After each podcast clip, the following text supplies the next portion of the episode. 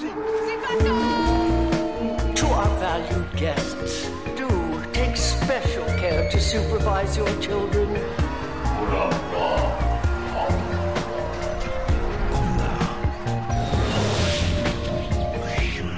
Het is weer ochtend in Pretparkland. Goedemorgen pretparkland en welkom bij je ochtendelijke pretpark podcast. Mijn naam is Ernest Taans en Dennis Jans en ik hebben het vandaag over piraten in Batavia.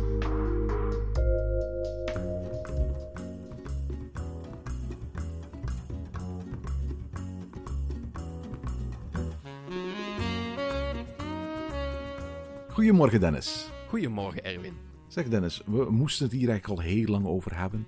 En eindelijk is het zover. We gaan het nog eens over een dark ride hebben. Ja, het werd eens tijd, want ik loop nu ondertussen denk ik toch al een aantal maanden rond met heel veel verhalen, net als jij, en heel veel ideeën en positieve en negatieve punten van een nieuwe dark ride die eindelijk nog eens een keer geopend is. Ja, je zegt nieuwe. Het is ergens tussen nieuw en vernieuwd in natuurlijk. We hebben het over, dat hebben de luisteraars natuurlijk al lang gezien, over uh, Piraten in Batavia en Europa Park. En zoals genoegzaam bekend is, dat ding is ergens in 2018 afgebrand. Daarna is besloten om het ding opnieuw op te bouwen. En ik, ik, ga niet zeggen dat die onherkenbaar veranderd is, maar er zit voldoende nieuws in om het als nieuw te beschouwen. Maar er is ook voldoende ouds in om het toch als een vernieuwde attractie te gaan beschouwen. Niet? Ja, dat ben ik wel met je eens. Um, er zitten genoeg dingen in die het geen copy-paste maken. Er zitten een aantal easter eggs en verwijzingen in naar de oude attractie. En natuurlijk iedereen die het baanverloop herkent van de oude attractie, die herkent de attractie natuurlijk ook weer opnieuw. Maar nogthans is alles daaromheen toch wel redelijk veel veranderd. Ja, absoluut. Uh, uh, de oorspronkelijke ontwerper, uh, de Ton van de Ven van Europa Park, is Ulrich Damrau. Um, hij heeft de, de eerste pentekeningen en eigenlijk de volledige scènes geschetst voor de eerste versie van deze attractie. Um, men heeft eigenlijk zijn tekeningen als inspiratiebron gebruikt voor deze vernieuwde versie. Maar is daar ook behoorlijk van af, afgeweken. En dat is ergens ook wel logisch, want de oorspronkelijke attractie dateerde uit 1987. We zijn 2020, 2021 nu, maar de attractie is geopend in 2020. En uiteraard in die tijd is zowel technologisch als wat visies betreft op, op dark ride design er heel wat gebeurd natuurlijk. Ja, en misschien moeten we ook nog wel zeggen dat in die tussenperiode uh, Disney een andere rol heeft gekregen in Europa en voor Europeanen. Ook al. Uh, toen natuurlijk die attractie opende, kenden de meeste Europeanen Pirates of the Caribbean niet. En zagen de meeste mensen dus ook niet waar de meeste ideeën van Piraten in Batavia vandaan kwamen. En in de tussentijd is natuurlijk Disneyland Parijs geopend met hun eigen Pirates of the Caribbean. De films zijn uitgekomen. Dus dat maakt allemaal dat die attractie steeds meer. Ja, het, werd steeds duidelijker dat er toch wel een aantal dingen van wa waren afgekeken. Uh, misschien moeten we het daar eerst eens even over hebben. Hè. Het verhaal is genoegzaam bekend, uh, halverwege de jaren 80. De grote trend in pretparkland in Europa, dat, dat worden ineens, uit het niks bijna, de groots opgezette theatrale dark rides met animatronics, met op maat gemaakte kostuums, met indrukwekkende showverlichting, met vuur, rook en geureffecten, met speciaal gecomponeerde muziek en, en, en steeds weer die obligate Pepper Ghost die overal aantrof. En eigenlijk kun je uh, de, noodzaak van die attracties terugvoeren naar een belangrijke verandering die in pretparkland bij ons sinds de jaren 70 plaatsvindt. Ja, en je ziet dat ook wel als je gaat kijken naar oude parkplattegrondjes of oude parkfolders uit de jaren 70 bijvoorbeeld, voor die periode. Nou, dan ga je merken dat die parken eigenlijk een stuk minder open waren dan ze vandaag zijn. Uh, die parken waren eigenlijk grotendeels open van ongeveer hemelvaart tot en met eind augustus, in de periode waar het een beetje lekker weer is in onze contraien. En de voornaamste attracties waren toen de tijd ook gewoon buitenattracties. En dat verandert allemaal later, wanneer natuurlijk parken meer gaan investeren en daar ook meer geld uit willen halen, meer rendement uit die investering willen halen.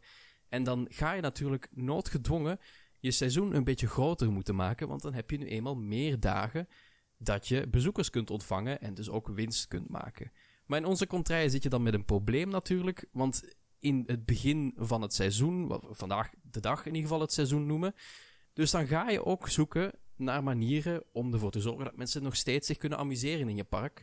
En binnenattracties zijn dan wel een heel belangrijke sleutel. Ja, absoluut. Parken gaan vanaf dat moment gaan, gaan investeren in een, ja, een weersbestendige reputatie, zou je kunnen zeggen. Dus ze moeten all-weather bestemmingen worden, waarbij dat weer geen storende factor meer is. Dus het is trouwens interessant om te zien hoe we ons um, steeds minder zijn gaan aantrekken van dat slechte weer. Ik bedoel, twee jaar nadat de winter Efteling open gaat en menselijk letterlijk uitnodigt om een pretpark te gaan bezoeken in de guurste en koudste periode van het jaar, opent Toverland nog als een volledig indoorpark, om daar dan tien jaar later weer vanaf te stappen en een richting in te slaan waarbij de indoorhallen bijzak worden. En ook het succes van Halloween in, in eind oktober, eh, begin november, uh, draagt ongetwijfeld bij aan het geloof dat weer geen determinerende factor meer is voor succes. En de laatste jaren hoor je parken ook steeds vaker klagen als er weer eens een hittegolf is. Want het houdt bezoekers blijkbaar steviger binnen dan wanneer het regent. In elk geval, in de jaren 70 willen parken bij ons dus langer open kunnen blijven. En om aan hun all-weather reputatie te werken, gaan ze leentjesbuur spelen, zoals je al eens vertelde, bij Disney. En vier attracties die daarbij gewilde bronnen van inspiratie zijn, dat waren de Tiki Room, uh, America Sings en de Country Bear Jamboree. Dat zijn uh, muzikale animatronic shows de kinderride It's a Small World, de spookattractie The Haunted Mansion en de groots opgezette dark ride Pirates of the Caribbean. En misschien moeten we kort eens eventjes um, die verschillende varianten gaan bekijken. De, de, de animatronic shows, de muzikale animatronic shows van Disney, die worden geïmiteerd door tal van parken bij ons in de vorm van kleinere en groots opgezette animatronic shows. Van Panchito in Walibi Belgium tot de Tico Tico Show in, in Bellewaarde, de Kiblinski Show in Fantasieland en de Magical Monkey Show in Hellendoorn. Carnaval in Venetië in Europa Park. De Quackus Squabble Show in Duinral. In, in was er zelfs een elektronische poppenshow in het Cowboystadje. Met een zingende en gitaarspelende animatronic van Bobbejaans groepen zelf op dat moment. Ja, en wat betreft dan de It's a Small World typische attracties, die hebben we ook heel veel zien opduiken in heel Europa. Allemaal kleine zingende poppetjes, zoals bijvoorbeeld Apirama in het Medipark, wat nu het Bos van Plop is. Ciao Bambini in Europa Park, wat later Piccolo Mondo is geworden, wat wel vrij letterlijk een verwijzing is natuurlijk naar It's a Small World. Inderdaad, ja. Ja, Carnaval Festival in de Efteling is natuurlijk het meest duidelijke voorbeeld, denk ik. Fantasia Parken de, Parque de Attracciones in Madrid en Around the World in 80 Days in Alton Towers. Heel veel van dat soort attracties doken op in die tijd. Ja, absoluut. Spookhuizen, hè, dat is dan een geval apart. Hè. Haunted Mansion maakte bij Disney zo'n grote impact dat zo goed als elk park wel een spookhuisvariant in huis haalde. Van de spokengilde in Meli tot de Mystery Hotel in Bobbejaanland. Van het spookslot in de Efteling tot Schloss Schreckenstein in Fantasieland. Van het Transdemonium in Park Asterix tot het Haunted House Annex Duel in Alton Towers. Van Geisteslos in Europa Park tot het Spookmuseum in Drievliet. Het Spookslot in Juliana Toren en het Castillo del Terror Annex Octopussy Castle in Boudewijn Sea te veel om op te noemen. Die laatste zijn trouwens voorbeelden van transportabele spookhuizen, zoals je die nog steeds op onze kermissen vindt. Maar het is opvallend hoezeer dat genre, spookhuizen, echt op zijn weg terug is. Het succes van Halloween zorgt er een beetje voor dat, dat, dat parken spookhuiservaringen zijn gaan reserveren voor die lucratieve Halloween-periode aan het eind van het seizoen. Dus worden ze steeds vaker de, de, de, de spookhuizen die jaar rond open zijn, uh, uh, weggehaald of geherthematiseerd in iets anders. Ja, natuurlijk is het ook wel zo als je Halloween gaat aanbieden aan het einde van je jaar en daar echte hele enge schrikervaringen gaat aanbieden, dat zo'n ouderwets jaren 80 dark ride met spoken misschien een beetje suf begint te worden en een beetje achterhaald. En dan is natuurlijk Pirates of the Caribbean. En wanneer je parken die gaan imiteren bij ons, dan komt de dark ride trend ja, echt tot volle rijping bij ons. Hè. En uh, na de opening van Disneyland Parijs zal die ook volledig stil komen te vallen. Na Droomvlucht wacht de Efteling bijna een kwart eeuw om nog eens een nieuwe dark ride te openen. En de enige dark rides die er elders nog bij lijken te komen zijn ofwel bijzonder kleinschalig ofwel interactief. Um, de enige uitzondering erop is nou, wellicht Warner Brothers Movie World, dat in 96 opent in Duitsland met drie dark rides. Uh, Gremlins, Bermuda driehoek, Looney Tunes. Maar dat zijn eigenlijk replica's van attracties die al eerder in Australië gebouwd waren. Pirates of the Caribbean vormt de inspiratiebron van heel wat groots opgezette piraten dark rides. Van het geheim van de eenhoorn in Walibi Belgium tot Los Piratas in Bellewaarde. Van I Corsari in Gardaland tot Pirates Adventure in Drayton Manor. En dus ook voor piraten in Batavia en Europa Park. Maar sommige parken gaan daar nog een stapje verder in en kiezen voor heel andere thema's. Zoals Fantasieland met de Zilbermine, de Keisterriksja en de Hollywood Tour. De Efteling met Fata Morgana, Burg Falkenstein in, in, in Holiday Park. Paleis van Alibaba in Walibi Belgium. La Vallée des Rey in Gardaland. Of Chipapkas in uh, Mer de Sable. Dat zijn eigenlijk de grote Europese dark rides die allemaal pakweg in diezelfde periode, eind jaren 80, de laatste vroege jaren 90 uh, ontstaan. Ik heb altijd een enorme voorliefde gehad voor, voor, voor dat soort attracties. Ja, ik hou er ook wel van. En ik snap de, de keuze voor parken in die tijd ook. Want inderdaad, de meeste Europeanen kenden de Disney-varianten nog niet.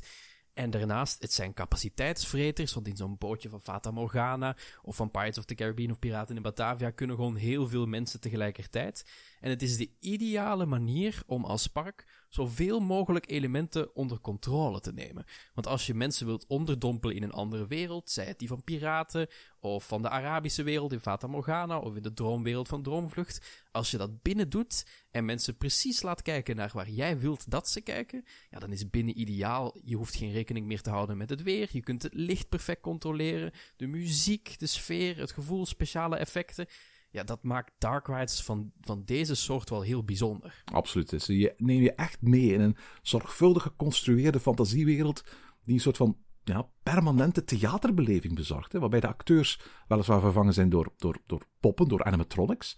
En waarbij de scènewissels gebeuren door het publiek met een transportsysteem van scène naar scène te laten gaan. Wat ook heel fijn is, de, de meeste van die, van die dark rides vertellen helemaal geen verhaal. Ze, ze, ze dompelen je onder in een wereld vol met verhalende elementen. Waarbij elke animatronic wel de hoofdfiguur zou kunnen zijn in zijn eigen verhaal. Elk decor de setting kan zijn van een nieuw tafereel. Elk effect en element kan zijn dat het verhaal voort kan sturen. Maar hoe dat verhaal er uiteindelijk uitkomt te zien, dat dit eigenlijk in het hoofd van de bezoeker die attractie doet. Hè? En dat kan bij elk bezoek een beetje anders zijn. Het zijn stukjes van een puzzel die je elke keer weer op een andere manier kunt gaan leggen. Het zijn scènes van een film waarbij jij je eigen regisseur, monteur en fotograaf bent. En jouw rol is dus niet die van een passieve toeschouwer, wat wel eens wordt gezegd over dark rides, maar van een actieve verhalenbouwer. Doorheen die volheid van die attracties loopt een lege ruimte waar boten, gondels, wagens passeren. En door jezelf rekenschap te geven van de actieve rol die je als bezoeker kunt spelen bij die dark ride. En door anderzijds als ontwerper voldoende verbeeldingsvrijheid, narratieve grenzeloosheid, fantasieschepte ongebondenheid aan de toeschouwer te geven, ontstaat in het hoofd van die dark ride bezoeker de perfecte theatrale attractie. Een samenspel tussen setting, personages, sfeer van de attractie en de verbeeldingskracht van die gast. Ja, en een van de elementen waar dat nog wel het meeste in, in meespeelt, denk ik, is dat heel veel van die attracties visuele zijn. Zij het door heel impressionante themastukken, als we bijvoorbeeld in, in Fata Morgana in de havenscène binnenkomen en zo'n enorm schip voor ons zien, of juist door gewoon heel veel dingen te laten gebeuren. Ook één kamer verder in Fata Morgana, wanneer de harem daar zit en er zoveel tegelijkertijd gebeurt. En ja, we zullen het er vast nog wel meer over hebben. Ook in de oude Piraten in Batavia. Als je daar de grootste kamer eigenlijk binnenkomt van die hele attractie. Dan weet je eigenlijk niet meer waar je naar moet kijken. En dat maakt ook dat iedere keer dat als je inderdaad die attractie opnieuw doet. je weer een ander element kunt zien, of horen, of voelen, of ruiken. dan de vorige keer. En dat maken die attracties zo uniek en zo bijzonder om keer op keer opnieuw te doen. Ja, absoluut. En dat maakt ze voor mij ook anders dan bijvoorbeeld een, een, een boek of dan een, dan een film of dan een tv-serie. Juist omwille van het feit dat je ze kunt opnieuw en opnieuw en opnieuw bekijken en telkens weer andere dingen zien of ze op een andere manier beleven. Nu, Piraten Batavia, we hebben het daar in onze Pretpark podcast al twee keer uitvoerig over gehad. Eén keer in onze aflevering over Dark Rides van Europa Park en één keer in onze aflevering over die brand in 2018, die de oorspronkelijke attractie zo goed als geheel vernieuwde. En al vrij snel nadat het blussen was gestaakt, kwam het nieuws dat Europa Park niet van plan was om de attractie te gaan vervangen, om die min of meer van nul opnieuw op te bouwen, waarbij eigenlijk alleen maar de oorspronkelijke in- en uitgang, de vaargeul en het concept behouden zouden blijven. Maar al de rest zou op zijn minst vernieuwd worden naar de standaarden van nu. Maar dat betekent dus wel dat Europa Park een dark ride zou gaan bouwen, zoals er in Europa eigenlijk al heel lang niet meer gebouwd was. Met grote scènes, theatereffecten en vooral met veel animatronics. Het zou van Challenge of Tutankhamon geleden zijn, in Walibi Belgium, dat er nog eens een attractie in Europa was bijgekomen met zoveel bewegende figuren. Arthur in Europa Park heeft er weliswaar 45, maar de meeste daarvan zijn heel rudimentair bewegend. Symboliek aan vijftiental, en dan moet je al die, die punctuels in de boudoirs en de Nickel en Nelissen bij gaan meetellen. En, en de laatste Dark in Disneyland Parijs, Fantasieland, Legoland, Walibi Belgium, die hadden zelfs geen enkele. Voor Piraten in Batavia werden een handvol oude animatronics gered uit de brand, gerestaureerd en in de heropgebouwde attractie gezet op de erg fraaie boot der overlevenden. Maar de rest van de meer dan 120 animatronics in Piraten van Batavia is echt gloednieuw en van de hand van, van bedrijven als Garner Holt en Hofman. En dan gaat ons Dark Ride hart toch wel heel snel slaan. Hè? Ja, dat zijn gewoon nu eenmaal topbedrijven wat betreft animatronics, hè, waar ook Disney gebruik van maakt. Uh, bijvoorbeeld de, de Baron in de Efteling kennen we daar ook van. Dat zijn gewoon echt best wel goede animatronics. En zeker hoe meer geld je daar beschikbaar voor stelt, hoe beter dat ze natuurlijk ook worden. En ja, daar, daar werd ik ook wel heel erg blij van. Want inderdaad, heel veel van dat soort moderne attracties maken ook wel gebruik van schermen. Uh, of, of, of, andere manieren om dat op te lossen. Wat ergens ook wel een beetje begrijpelijk is, want animatronics zijn heel erg duur. En aan de andere kant kun je met schermen zo'n bewegend figuur meer bewegingen laten doen en er meer laten gebeuren dan een stilstaande animatronic kan. Maar aangezien dit dus een soort tweede versie, een 2.0 versie moest worden van die oude attractie, maakt dat eigenlijk ook wel dat deze attractie vol moest komen te staan met van die animatronics. Absoluut. Maar goed, dus je zei al net, heel snel werden die branden geblust en ook heel snel spro- sprong de familie Mak in Europa Park er bovenop om een nieuwe attractie neer te gaan zetten. En niet zo heel lang daarna kwam er al een eerste concept art naar buiten van de nieuwe ingang. Die ingang bevindt zich in het Nederlandse themagebied. Eh, dat gaat natuurlijk niet veranderen. En bestond ook altijd uit een aantal ja, redelijk kitscherige Hollandse Amsterdamse geveltjes. En we zagen daar ineens ook heel duidelijk boven de ingang het logo van de ACE, die Adventure Club of Europe, verschijnen bijvoorbeeld. En de Adventure Club of Europe, misschien moeten we daar eens wat meer aandacht aan besteden, want dat hebben we geloof ik nog nooit gedaan in een aflevering vanochtend in Pretparkland. De, de ACE, de Adventure Club of Europe, is een exclusief genootschap, opgericht in 1716, althans, dat vertelt het verhaal van Europa Parken, om het buitengewone en niet alledaagse te gaan verkennen en op die manier geheimen bloot te leggen over onze planeet en oorden daar ver buiten.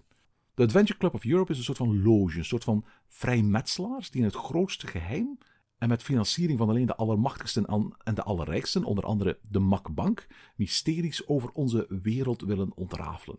Uit interesse voor de wetenschap, maar zoals de naam van de huidige voorzitter, Catherine Noir, al doet vermoeden, ook omwille van het geldelijk gewin.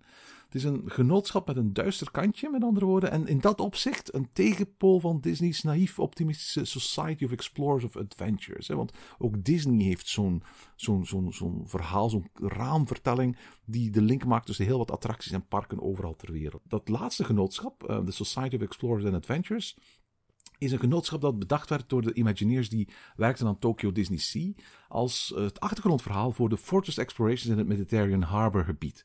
In de 16e eeuw zou daar dus een gezelschap van ontdekkers en uitvinders zijn opgericht. Uh, en de afgelopen 20 jaar heeft Disney in tal van zijn parken attracties en locaties geïntroduceerd. Uh, soms met nieuwe personages, soms met, met bestaande personages. In een steeds groter wordend universum van The Sea, de Society of Explorers and Adventures. Van Dr. Albert Falls van The Jungle Cruise tot Henry Mystic van Mystic Manor. Van Barnabas T. Bullion van Big Thunder Mountain in Walt Disney World tot Mary Oceaneer van Miss Adventure Falls in Typhoon Lagoon.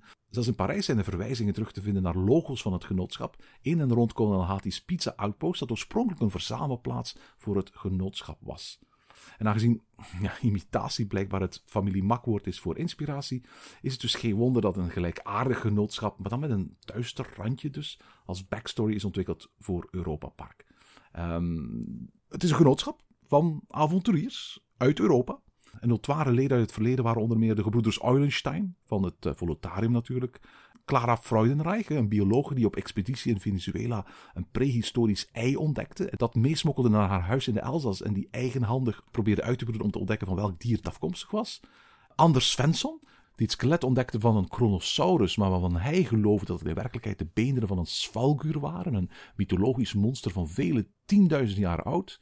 En Giacomo Medina, een, een, een Italiaanse geestenjager, die een opdracht van de Medici-familie op geesten ging jagen en deze opsloot en gevangen hield in een herenhuis in Verona en uiteindelijk zelfmoord pleegde nadat zijn geliefde stierf, om zo bij haar terug te kunnen zijn. De oprichter van de Adventure Club of Europe, uh, en daarmee komen we bij Piraten van Batavia, was Bartholomeus van Robbemont. Uh, zijn Javaanse dolk, eigenlijk een kris, zo heet hij officieel, um, is tot op heden het belangrijkste artefact in de collectie van de Adventure Club of Europe. En ook de reden van zijn bestaan. Van Robbemont was, volgens het verhaal dat men voor Piraten in Batavia geschreven heeft, de zoon van een uh, zakkenroller uit Friesland, die uh, op zijn veertiende scheepsjongen werd bij de VOC en op zijn 21ste al kapitein van zijn eigen schip. Uh, hij ging schatten verzamelen, juwelen, goud met hopen overal ter wereld. En tijdens een van zijn vele zeereizen hoorde hij van het verhaal van de vuurtijgerdolk, een mythische degen die je onoverwinnelijk maakt in elk gevecht. Dat sprak hem wel aan, want je snapt dat, je, dat hij na een tijdje regelmatig het doelwit werd van andere piraten die op zijn buiten hadden gemunt.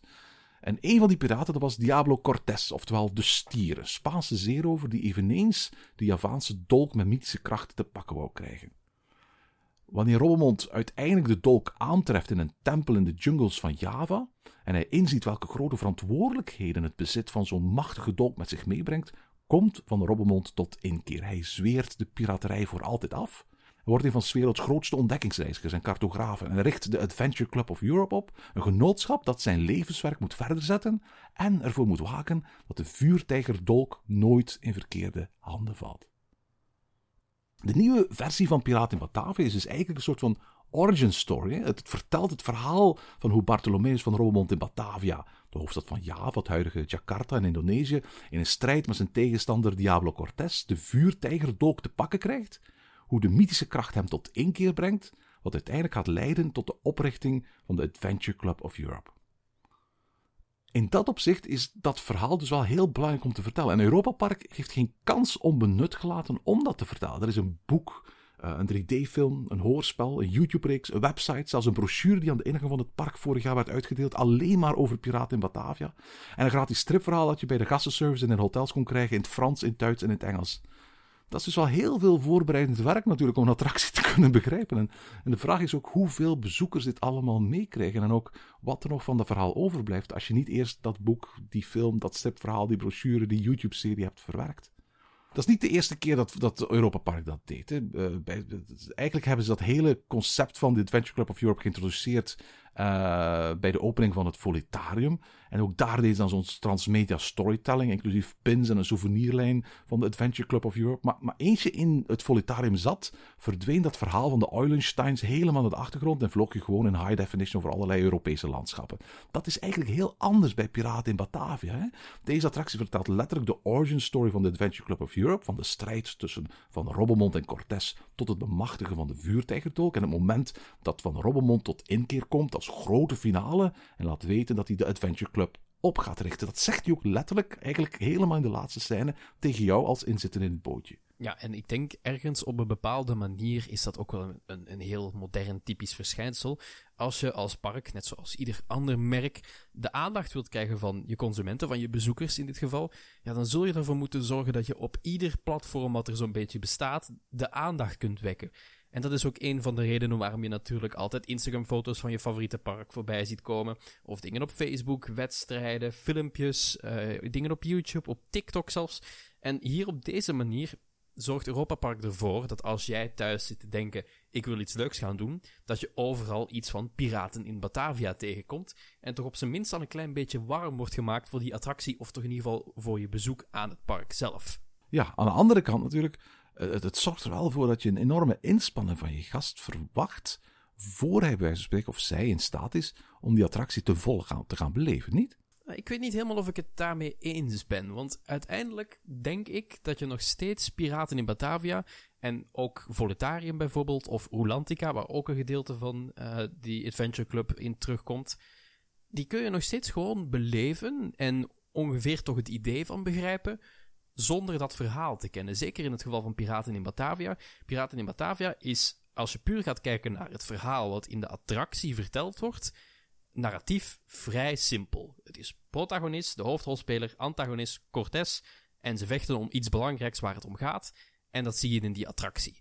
Er, wordt, er zit daar niet zo heel erg veel heel moeilijke storyline in die je niet begrijpt als je dat verhaal niet kent. Absoluut, je hebt daar absoluut gelijk. En je kunt die attractie inderdaad ook gaan ervaren zonder dat je veel van dat achtergrondverhaal meekrijgt. En, en, Europa Park vertelt graag verhalen. Ik bedoel, als je sneeuwvlokje wil doen, uh, laten we heel eerlijk zijn, waarschijnlijk de, de, de, de, de, de slechtste dark ride in, in, in Roest en, en omstreken.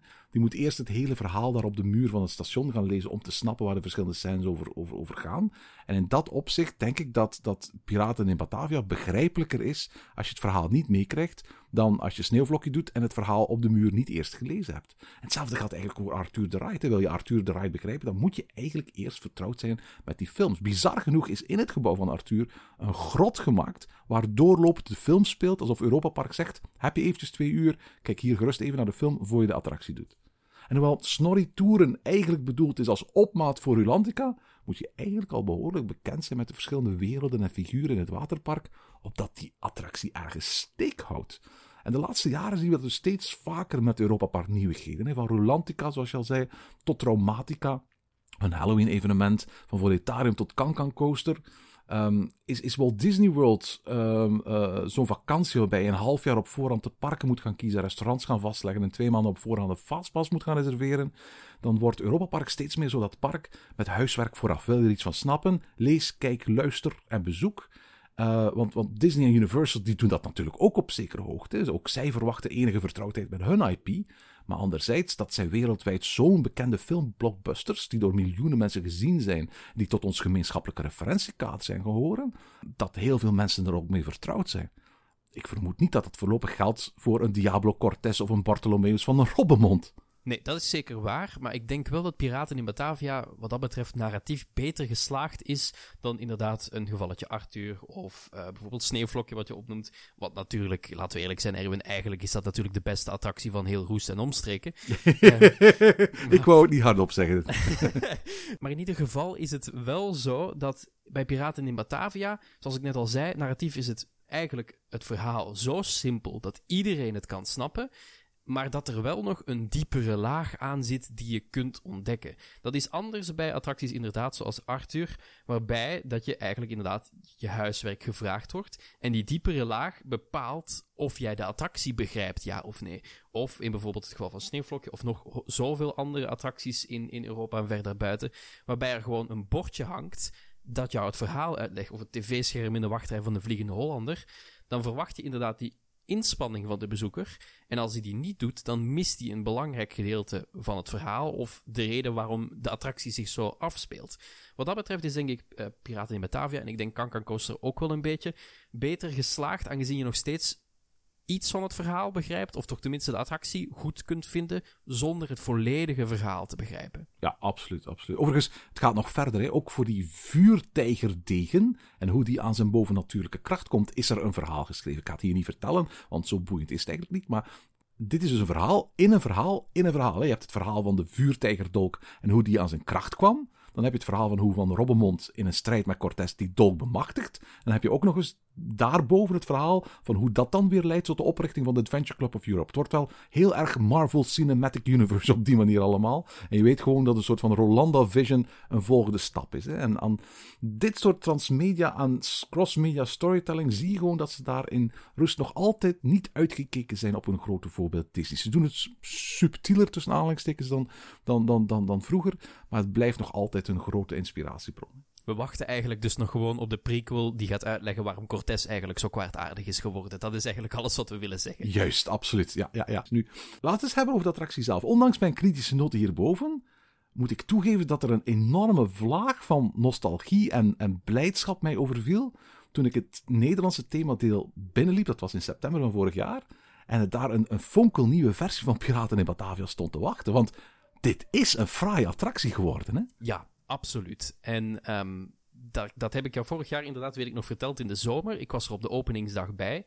En ik weet nog heel erg goed dat ik die attractie uitkwam en jouw berichtje stuurde en zeg van, dit mag er wel zijn. Het is veruit niet perfect en ik heb een, een hele lijst aan kritieken. Maar dit is wel een attractie waar ik opnieuw weer met plezier in ga. Sterker nog, als we het even vergelijken met de, de oude attractie, daar ging ik ook vaak in. Maar dat had er deels mee te maken omdat het voornamelijk zo'n visuele bom was. En omdat er nooit een wachttijd stond, dus je kon altijd meteen instappen. Hier heb ik nu, ik denk een drie, viertal keer, een half uur tot veertig minuten voor gewacht. En met plezier. Ja, ik zeg altijd dat ik een, dark ride liefhebber ben, maar dat, daar dateer ik me dus enorm mee. Want grootse animatronics dark rides zoals Piraten in Batavia zien nog maar heel weinig gebouwd worden. Ja, ja in, in Dubai en Abu Dhabi zijn ze de laatste jaren uh, uh, heel wat bijgekomen, omdat daar heet en zanderig is en alles in door moet. Uh, maar, maar, dat zijn vaak grote decors met minimaal, zelfs amper bewegende uh, poppen en zo. Maar, maar, hier, zodra je die wachtrij binnen wandelt, die start als een oude zeeroverstaverne. Uh, ja, dan, dan weet je van, dit is wel heel bijzonder. Het is werkelijk prachtig, vol verwijzingen weliswaar naar de oude versie. Met een geweldige soundscape, met veel niveau- en diepteverschil het feit dat de, de wachtrij onder het grondniveau gaat, geeft hen de kans om, om heel veel te doen met doorkijkers en zichtlijnen. Ik vond dat echt fantastisch. Ja, we moeten natuurlijk wel bij zeggen, we hebben de wachtrij alleen nog maar gezien helaas in, uh, in corona-omstandigheden. Dus heel veel plexiglas opnieuw en niet zoals de wachtrij oorspronkelijk bedoeld was. Maar als ik meteen al over de wachtrij iets mag zeggen, ik ben het met je eens. Die wachtrij is vele malen beter geworden dan dat die was. En er zitten heel veel leuke verwijzingen in naar de oude attractie, naar de familie Mack, eh, naar de Adventure Club of Europe. Je kunt daar echt, denk ik, tegen de tijd dat het daar weer een beetje rustig wordt, gewoon alleen al eens een half uur rondwandelen en kijken naar alle verwijzingen. Maar, net zoals alle kritieken die ik heb bij deze attractie, vallen die samen te vatten onder de noemer Moest dit nu? En dat had ik hier in de wachtrij ook. Daar in de verte hangt bijvoorbeeld een groot scherm waarbij een piratentaverne wordt getoond. Een aantal piraten zitten te drinken.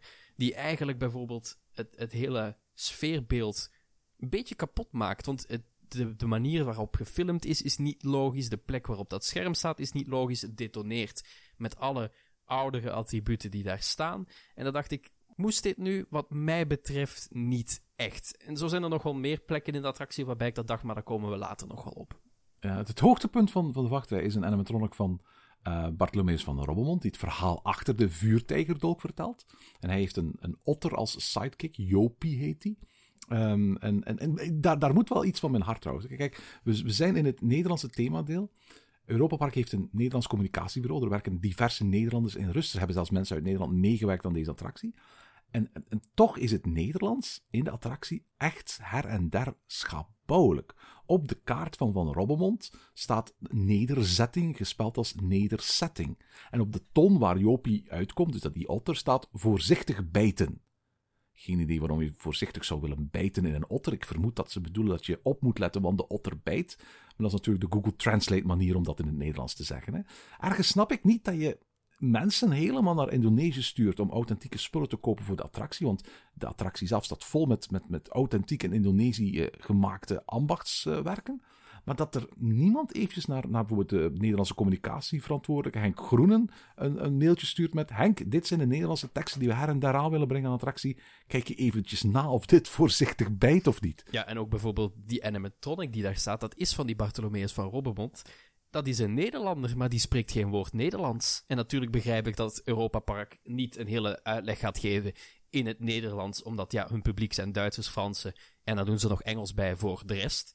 Maar toch gewoon een paar woorden konden daar denk ik wel vanaf, van een Nederlandse piraat die geen Nederlands praat. Ja, er, er zitten her en der in de attractie wel wat, Nederlandse woordjes, maar die zijn echt minimaal.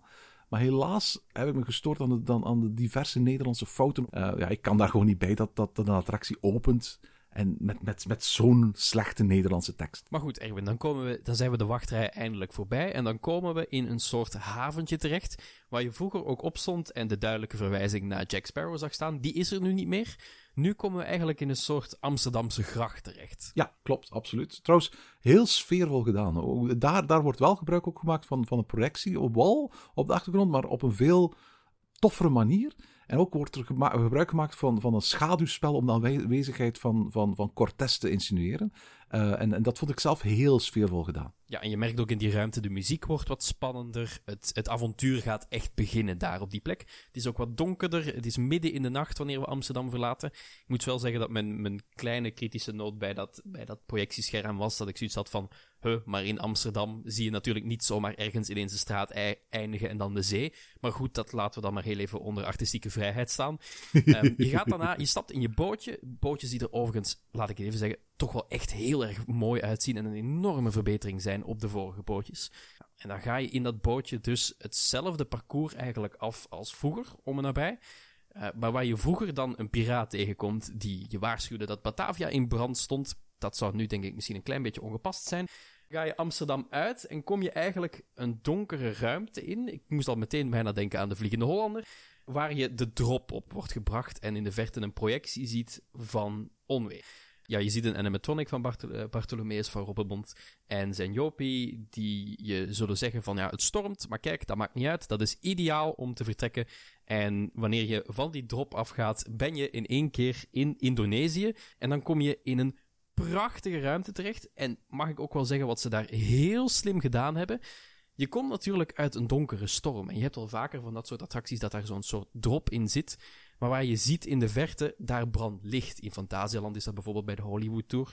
Dan weet je dus al heel duidelijk waar je naartoe gaat. Hier is dat niet en is het licht uit totdat je beneden aankomt en het licht langzaam aangaat en die prachtige grotachtige ruimte ineens voor je opdoemt. Ja, absoluut. En vooral dat dat gebeurt heel gradueel. Hè. Aan ongeveer dezelfde snelheid als waarmee het bootje de grot binnenvaart, wordt ook als het ware die grot steeds dieper verlicht. Ik geef eerlijk toe, ik vond dat een fantastisch effect. Het is letterlijk bij wijze van spreken alsof hier op een hele theatrale manier getoond wordt van lichten uit, spots aan, we gaan beginnen. Ja, en het begint ook wel echt. Hè. Het avontuur is los van dat moment. Want eigenlijk vanaf dat punt in de attractie, zeker de eerste keer dat ik erin zat, was ik alleen maar aan het denken: oké, hier gebeurt zoveel, waar moet ik naar kijken? En oh, daar gebeurt ook nog iets. En in deze ruimte alleen al, ik vond dat ik hier te kort in was. Ik had hier nog wel minstens drie minuten langer in willen rond blijven varen. Wat ook meteen opvalt is hoe kleurrijk die, die, die ruimte en eigenlijk de hele attractie belicht is. Dit is geen Vliegende Hollander in 50 tinten bruin natuurlijk. Maar de hele attractie baat in een over de top zuurstokkenverlichting. Waarbij je in één en dezelfde uh, scène een brug uitgelicht hebt in het blauw, een gevel in het roze, een grot in het rood, een animatronic in het geel, een sloep in het oranje. Het is allemaal heel erg weinig subtiel, maar goed wie gaat naar Europa Park voor subtiliteit, hè? Uh, maar de attractie is werkelijk een aanval op je zintuigen. Ja, absoluut. En eerlijk bekend, de eerste keer dat ik erin zat, is misschien een beetje heiligschennis, maar zat ik ook te filmen. En dan is inderdaad ook, als ik de die beelden bekeek, realiseerde ik me pas voor de eerste keer hoeveel er ook echt gebeurd was, wat ik eigenlijk zelf niet eens had, had doorgehad, terwijl ik die eerste keer die attractie deed. De eerste keer bijvoorbeeld had ik in die eerste grot niet eens door dat daar in de verte een gigantisch scherm, waar de, de lokale bioscoop jaloers op zou zijn, daar hangt met, om gewoon te tonen dat in de verte een schip voor anker ligt. Ja, klopt. Met een heel mooi parallax-effect is dat. Ik, ik vond het waanzinnig en ik had het de eerste keer niet eens door. En met, met zoveel andere dingen in deze attractie. Want ja, we kunnen al eeuwig bezig blijven over die grot. Maar daarna kom je bijvoorbeeld als Stilt Village eh, binnen, wat een duidelijk uh, referentie is, of tenminste geïnspireerd is door de oude attractie. Die waanzinnig mooi is. Ja, het, het palendorp dat Ulrich Damrau ontworpen heeft. Vijftien verschillende geureffecten zag ik in het folder dat ik kreeg. Heel veel geluidseffecten die van overal lijken te komen. En daaronder nog eens een dicht gemetselde muur van muziek. Het zijn van die dikke lage strijkers die elk ander instrument naar de achtergrond verdringen. Als je heel goed luistert, hoor je het originele thema van Joachim Schnitzer uit de vorige versie van de attractie terug. Maar dat thema was vroeger gespeeld op een sarangi, een soort Indonesisch stokinstrument. Nu hoor je het met strijkers, met drum en met groot koor. Opnieuw Less is More stond niet in de opdracht die componist Hendrik Schwarzer hiervoor gekregen heeft. En hetzelfde geldt voor, voor de scènes zelf. De decors zijn groots en imposant en staan echt werkelijk vol met animatronics, met bewegende elementen, met projection mapping, daar hebben we het nog niet over gehad. Ik bedoel, op het moment dat je, dat je uitgekeken bent op de decors en op de lichteffecten en op alle bewegende animatronics, dan, dan is er in bijna elke scène wel iets van projection mapping aanwezig. Ja, en dat waren ook van die dingen die ik de eerste keer, tenminste in deze scène, niet had gezien. Dus dat, dat, er gebeurt zo ontzettend veel. Ja, je moet niet filmen hè, als je de eerste keer zo'n attractie doet, eh, Dennis. Ja, eigenlijk zou ik dat beter niet moeten doen. Maar, enfin, in ieder geval, in die attractie ook, ik mag ook zeggen, dit is misschien wel een van mijn favoriete muziekstukken. Ik ben groot fan van deze nieuwe muziek. Inderdaad, weinig subtiel, maar dat mag ook wel voor zo'n groot avontuur. Er gebeurt zoveel. Er zitten heel veel kleine detailwerkjes in die ik uh, in, later in bijvoorbeeld de making-of wel heb gezien, maar in de attractie zelf volledig gemist heb er gebeurt heel veel. Als ik dan toch wel een kritische noot mag zeggen. We hebben het inderdaad over die muziek en die geluiden die daar worden afgespeeld. Maar net zoals bij de oude attractie kunnen we nu niet echt zeggen dat die echt heel erg mooi gemixt zijn. Ik vond het een cacophonie van geluiden. Want ik geef eerlijk toe, ik, ik heb de CD toen ook gekocht toen ik in, het park was. En, en de score is best wel goed, maar je hoort die duizend keer beter op CD dat je die ooit kunt horen in de attractie zelf. Het is echt letterlijk één grote wall of sound. Hè? Ja, en vooral ook als je probeert te luisteren naar wat die animatronics tegen je zeggen. Oké, bij ons zit er natuurlijk het verschil bij. Wij zijn geen native speakers van zowel Duits of Frans. Maar goed, we verstaan ze allebei wel goed genoeg om te, te weten wat ze aan het zeggen zijn. Maar toch had ik heel vaak best wel veel moeite om te verstaan wat er gebeurt. Want het lijkt hier een beetje, zonder al te technisch te worden, alsof zowel de muziek als de, de, de, de verhalen die de animatronics je uitleggen, als het geluid van een vogeltje wat ergens ver in de verte in een boom zit, allemaal even luid door de speakers heen worden geblazen. Ja, En dat is echt heel moeilijk om te verstaan. En dat, dat, wat, wat je nu zegt geldt voor het geluid, maar het geldt ook voor de geureffecten van het ene na het andere geureffect eh, elkaar in een rastempo opvolgt. Het geldt ook voor de, lichteffecten, het geldt ook voor de projection mappings. Je weet niet waar gekeken, je weet niet waar geroken, je weet niet waar geluisterd. Het is een aanval op je zintuigen. Er was zo ongelooflijk veel dat ik ook op het einde niet meer zo goed wist wat is er nu eigenlijk allemaal gebeurd. Dat is eigenlijk ook wel ergens een beetje een positief kantje aan die attractie, want daardoor wil je hem vaker doen. En ik heb ook echt weer zin als ik die muziek hoor, bijvoorbeeld op mijn telefoon, om weer gewoon een tripje te boeken deze zomer naar Europa Park en die attractie weer heel vaak opnieuw te doen. Weet je wat ik wel had? Door dat attractie vanaf scène 1 een niet onophoudende stortbui van indrukken en ervaringen is. Omdat wat je hoort en ziet en ruikt, om het met een Spinal Tap quote te zeggen, voor voortdurend op standje 11 van de 10 staat, miste ik uh, opbouw. Je wordt van in het begin zo murw geslagen met indrukken dat je er amper nog van achterover valt als er halverwege ineens een Roland Mack animatronic staat die een Aziatische euromouse in een kristallen bol doet verschijnen. Het, het knappe van Fata Morgana is juist die langzame opbouw van die attractie naar dat hoogtepunt, waar je dan ineens voor het eerst weer dat melodietje uit de wachtrij hoort en overdonderd wordt door een rijkelijk gedecoreerde troonzaal vol met animatronics. En ook bij 100 Mansion en Phantom Manor is dat zo. Pas nadat je enkele minuten lang door een zo goed als verlaten huis hebt gedwaald, brengt Madame Leota de geesten tot leven. Wanneer Van Robbedonk aan het eind van de rit de vuurtijgertolk in de Jungle Temple ontdekt, heeft de componist gewoon geen drums en geen koor en geen strijkers meer over om alles wat er voorkwam nogmaals te overtreffen. En er is geen belichtingseffect meer over in het arsenaal dat we nog niet gezien hebben, waardoor die finale, eh, die normaal gezien het hoogtepunt van de attractie zou moeten zijn, nou eigenlijk wat underwhelming is. Eh, niet omdat hij niet goed is, hè, ook al had ik die zweefde dolk zelf niet zomaar op een stokje gezet, maar goed. Dus nee, niet omdat die finale niet goed is, maar gewoon omdat ze er niet in slagen om nog indrukwekkender te zijn dan alles wat er aan vooraf ging. Ja, het is heel spectaculair allemaal, maar het is constant heel spectaculair. Net zoals het constant heel luid en heel groots is. Het lijkt alsof de ontwerpers zich daar ook bewust van waren, want af en toe lijkt bijna met opzet een soort van rustpauze ingebouwd te zijn. Het viel mij ook op dat qua muziek in ieder geval, en ook een beetje qua het verhaal wat verteld wordt in iedere scène, gaat deze attractie van de drop iedere keer van actie naar, laten we zeggen, relatieve rust. Het is niet rustig, maar het is rustiger. Je gaat van de drop en die god, waar dat er ook meteen gevochten wordt tussen Robemont en Cortés, uh, ga je naar de stad Palendorp, waar dat het al ietsjes rustiger is. En dan ineens is er weer paniek en actie bij een fort en de survivors zitten daar. En dan ga je weer terug en dan is er een, een huwelijk in Batavia en dan is het allemaal weer wat rustiger. En dan gaan we weer de jungle in en dan is er ineens spektakel, paniek en avontuur. Uh, dat is eigenlijk zo'n beetje de afwisseling die deze attractie leek te maken. Van drukte naar rust, naar drukte naar rust, naar drukte naar rust. Waarbij ook, ik denk dat ik die eindscène ik vond die, die, die projecties die daarin gebruikt werden in die tempel best wel indrukwekkend en best wel mooi. Maar die eindscène was denk ik niet bedoeld als actie en avontuur. Dat was eigenlijk die, die jungle scène die daar net voor zit. En daarna ga je eerder de rust in, waar dat je eindelijk het, het, het universum komt een beetje in evenwicht, is eigenlijk denk ik wat die, die scène moet voorstellen. Namelijk, Robbenmond vindt die dolk en alles is opgelost en alles is oké. en we richten de Adventure Clip of Europe op en de attractie is voorbij. Ik ga eerlijk zijn, toen ik het de eerste keer uitkwam, was ik echt onder de indruk van... Wauw, wat was dat? Dit is een, een dark ride waarmee je makkerij zou laten zien. We kunnen meer dan Sneeuwvlokje, Piccolomundi en Snorri toeren. En dat met een regelrechte aanval op je zintuigen. Uh, het, is een, het is een die zo vol staat dat je niet weet waar naartoe eerst te kijken. Je kunt de attractie zonder probleem tien keer gaan doen en tien keer een andere beleving hebben. Al zou ik dan niet aanraden dat na elkaar te doen zonder uh, bij de hand. Het verhaal wordt verteld aan de hand van een aantal tableaus met, uh, van Robbemont en, en uh, Cortés.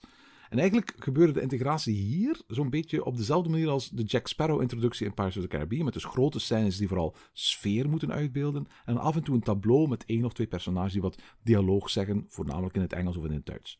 Het was vooral als ik die tableaus wat negeerde, die in principe gewoon neerkomen op Robbemont en Diablo zoeken magische dolk. Uh, Robbemont krijgt schatkaart. Diablo en Robbemont houden een zwaardgevecht. Robbemont zet Diablo gevangen en Robbemont vindt de vuurtijgerdolk dat ik eigenlijk pas echt van die attractie kon genieten. Eigenlijk ik kan niet zeggen dat ik mij stoorde aan het verhaal, maar het, het hoefde eigenlijk ook niet. En het vond achteraf ook dat, dat het amper of niet iets toevoegde, eerlijk gezegd. Goh, ja, ergens ben ik het daar wel met je eens. Want ik denk dat deze attractie nog steeds top zou zijn zonder die twee. Oh nee, ik, ik, ik, ik, ik probeer zelfs meer te zeggen. Ik geloof dat de attractie, attractie misschien zelfs beter was geweest zonder de toevoeging van, van, van dat doorlopende verhaaltje. Ik weet niet helemaal of ik het daarmee eens ben. Omdat ik nog steeds ook wel fan ben van hoe simpel en krachtig dat het verhaal eigenlijk wel is. Dat is het enige gebied waar deze attractie wel redelijk less is more heeft gebruikt. Namelijk, narratief is het niet complex. En heel veel mensen kunnen doorhebben wat er gebeurt of um, waarom dat zij geïnvesteerd zouden moeten zijn in dit verhaal. Namelijk, we willen die dolk vinden en liefst voordat deze slechterik het hier vindt. Ik denk wel dat er iets in zit waarom dat ik liever dat verhaal er wel bij heb dan niet. Maar daarnaast maakt het ook wel moeilijk om de combinatie te maken van zowel de prachtige sfeerschepping en alle effecten die in de attractie gebeuren, om die te combineren met dat verhaal. Wat me wel nog dwars zat, dat was het is duidelijk dat de makers van de attractie heel voorzichtig proberen te zijn om de, de inheemse bevolking uh, van Java niet te stereotyp uit te beelden, alhoewel. Um, en het hele kolonialiseringsverhaal van de VOC uh, echt op de achtergrond te houden.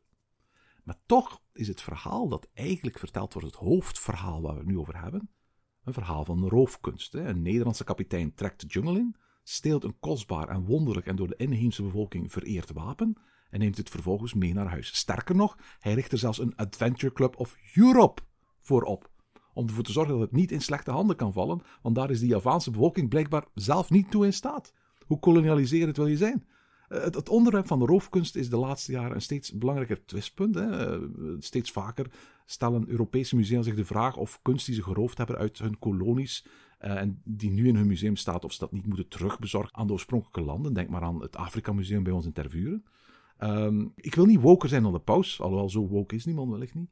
Maar dat je in 2020 een nieuwe verhaallijn rond roofkunst introduceert en een blonde, witte Nederlander een magisch artefact uit Java laat stelen en vervolgens meenemen naar Europa, dat dat uiteindelijk voorgesteld wordt in een grote finale met over-the-top projection mapping als, als het ware het, de goede afloop, dat vind ik eigenlijk wel heel bizar. Ja, en eigenlijk mogen ze ook wel van geluk spreken dat ze natuurlijk niet letterlijk het woord Indonesië bijvoorbeeld gebruikt hebben. Het gaat om Batavia, wat op zich al een redelijk koloniale weerslag heeft. Maar die gevoeligheid inderdaad vond ik ook wel vrij bijzonder uiteindelijk. Want ik moet er ook altijd op een bepaalde manier over nadenken, zijnde, stel je hebt, Indonesische roots, of in ieder geval uh, Zuid-Aziatische roots. Ja, de enige plek waar je mensen van jouw achtergrond kunt zien in Europa Park of in een pretpark in het algemeen, zijn dit soort attracties waar vaak verhalen rond bijvoorbeeld de VOC of andere koloniën worden verheerlijkt op een bepaalde manier. Ja, en waarbij inderdaad op geen enkele manier een, een, een kanttekening wordt gemaakt bij die VOC-geschiedenis. En letterlijk bij spreken van de Robbenmond als grote witte held en redder bij wijze van spreken naar voren wordt geschoven. Ja, en het heeft natuurlijk ook wel ergens iets te maken met de hele romantisering die aan piraterij vasthangt en allerlei ja, eerder crimineel gedrag, om het zo maar te zeggen. Dat wordt in, in verschillende eh, films, in verschillende series, in verschillende boeken, games, wordt dat wel vaker verheerlijkt. Maar hier zit natuurlijk dat, dat probleem daarbij, dat er uiteindelijk gewoon verschrikkelijke dingen bij zijn gebeurd en dat we nog steeds in 2020 op een bepaalde manier dat verhaal wel neerzetten. Nu, daarmee wil ik niet per se zeggen, sloop die hele attractie maar weer, want dat kan niet meer tegenwoordig. Maar het verbaasde mij ook wel dat er weinig met een kritische noot naar werd gekeken. Het viel mij in elk geval op dat toen die attractie open ging, dat ik die stem zo goed als nergens gehoord heb bijna. En misschien was dat inderdaad gewoon omdat iedereen gewoon murgeslagen was door, door al die uh, geluidseffecten en, en, en belichtingseffecten en, en projection mapping. Maar het was een kanttekening die ik toch wel wou maken hier. Ja, absoluut. Daar ben ik het uh, met je eens. Uh, maar toegegeven, ik was inderdaad... Aan, het was aan het einde van de dag dat ik de attractie gedaan had. Ik was al moe van zo'n hele dag rond te lopen in Europa Park. Ik was er met mensen die er nog nooit geweest waren. Dus we waren al de hele dag aan het rushen. En dan kwam ook nog eens een keer zo'n bom van een attractie als de nieuwe Piraten in Batavia. Dus ik had heel even andere dingen op mijn, mijn netvlies staan. En dat waren de cocktails in de hotelbars daar s'avonds. Ah, de cocktails van Europa Park ik kijk er naar uit om nog eens terug te gaan, cocktails te drinken. En zeker om nog eens Piraten in Batavia verschillende keren te doen. Ondanks de kanttekening die, die, ik erbij heb, is het absoluut zo dat dit echt een, een must-do geworden is. Het is tegelijkertijd een van de meest moderne um, animatronics attracties van heel Europa. En tegelijkertijd een heerlijk ouderwetse animatronics attractie. Zoals er in de, tijden toen ik vaak naar pretparken begon te gaan, um, heel veel gemaakt werden. En waarvan er nu de laatste jaren steeds minder gemaakt worden. Ik was eigenlijk eerlijk gezegd bang dat toen Europa Park aankondigde dat Piraat in Batavia opnieuw gebouwd zou worden, dat men echt zou gaan kiezen voor een shooter of iets dat alleen maar uit, screen-based technology zou bestaan. En ergens ben ik, uh, los van dat puntje van kritiek die we opgesomd hebben, toch zo blij dat we hier tegelijkertijd zo'n bijzonder technologisch geavanceerde en tegelijkertijd zo'n ouderwetse Dark Ride in volle glorie terug hebben kunnen zien verschijnen. Ik had het gevoel bij deze attractie, zoals ik bij heel veel andere Europa Park attracties heb, de 7 of 8 op 10 ervaring. De attracties zijn goed, mooi gemaakt en de meeste attracties van, van Europa Park zijn niet altijd de toppers van Europa. Er is denk ik geen enkele attractie in Europa Park waarvan ik denk dat is nu echt het beste van Europa. Dat weet ik niet weg. Al die attracties zijn heel erg goed. Maar ze steken er niet altijd met kop en schouders bovenuit. En dat had ik hier ook. De attractie is heel erg goed en opnieuw een, een reden, opnieuw, samen met al die andere attracties en het waterpark tegenwoordig en de hotels, dat ik naar Europa Park wil gaan. En de cocktails, absoluut. Van mijn part mogen wij nu zo dadelijk de agenda samenleggen en kijken wanneer we cocktails gaan drinken. um, maar die attractie, samen met alles, zijn een goede reden om naar Europa Park te gaan. Het is niet bij mij de reden waarom ik nu zo tegen iemand zou zeggen: laat alles vallen en ga meteen naar rust toe voor die ene attractie. Maar hij staat er wel en hij is goed. En ondanks een paar kritiekpuntjes is het een unieke en mooie, prachtige attractie. Ja, want ook dat wil ik nog, nog eens duidelijk zeggen: van nee, deze attractie staat in mijn lijstje niet boven Fata Morgana of Pirates of the Caribbean in Disneyland Parijs. Absoluut niet. Maar het staat heel erg bovenaan om, om als, als eerste te doen als ik weer eens in Europa Park ben. Want, want uh, uh, de ritjes die ik afgelopen september voor het eerst gemaakt heb, die, die smaken naar meer. Ik moet ook wel zeggen, ook nog, ergens geeft het ook wel weer hoeveel lef dat de familie Mak of Europa Park in ieder geval heeft met dit soort attracties. Want we hebben het al eerder gezegd, die, die animatronics zijn duur. Dit soort attracties worden bijna niet meer gemaakt. Oké, het ritssysteem, dat maken ze zelf. Dat was het probleem dan niet zo. Maar je moet wel nog steeds, denk ik, het lef hebben om te zeggen: wij gaan die attractie daar neerzetten. En we gaan niet al te veel kijken naar budget, maar voornamelijk een attractie neerzetten die mee kan met zijn tijd. En ook nog eens een mooi eerbetoon is aan wat hier vroeger stond en is afgebrand. En dat is ergens ook wel ook best lovenswaardig. En tot zover deze aflevering van Ochtend in Pretparkland. Volg ons via het Pretparkland op Twitter, Instagram en Facebook of mail naar ochtend.pretparkland.be. Ochtend in Pretparkland is de pretparkpodcast voor vroege vogels. Bedankt voor het luisteren en maak er een fijne dag van.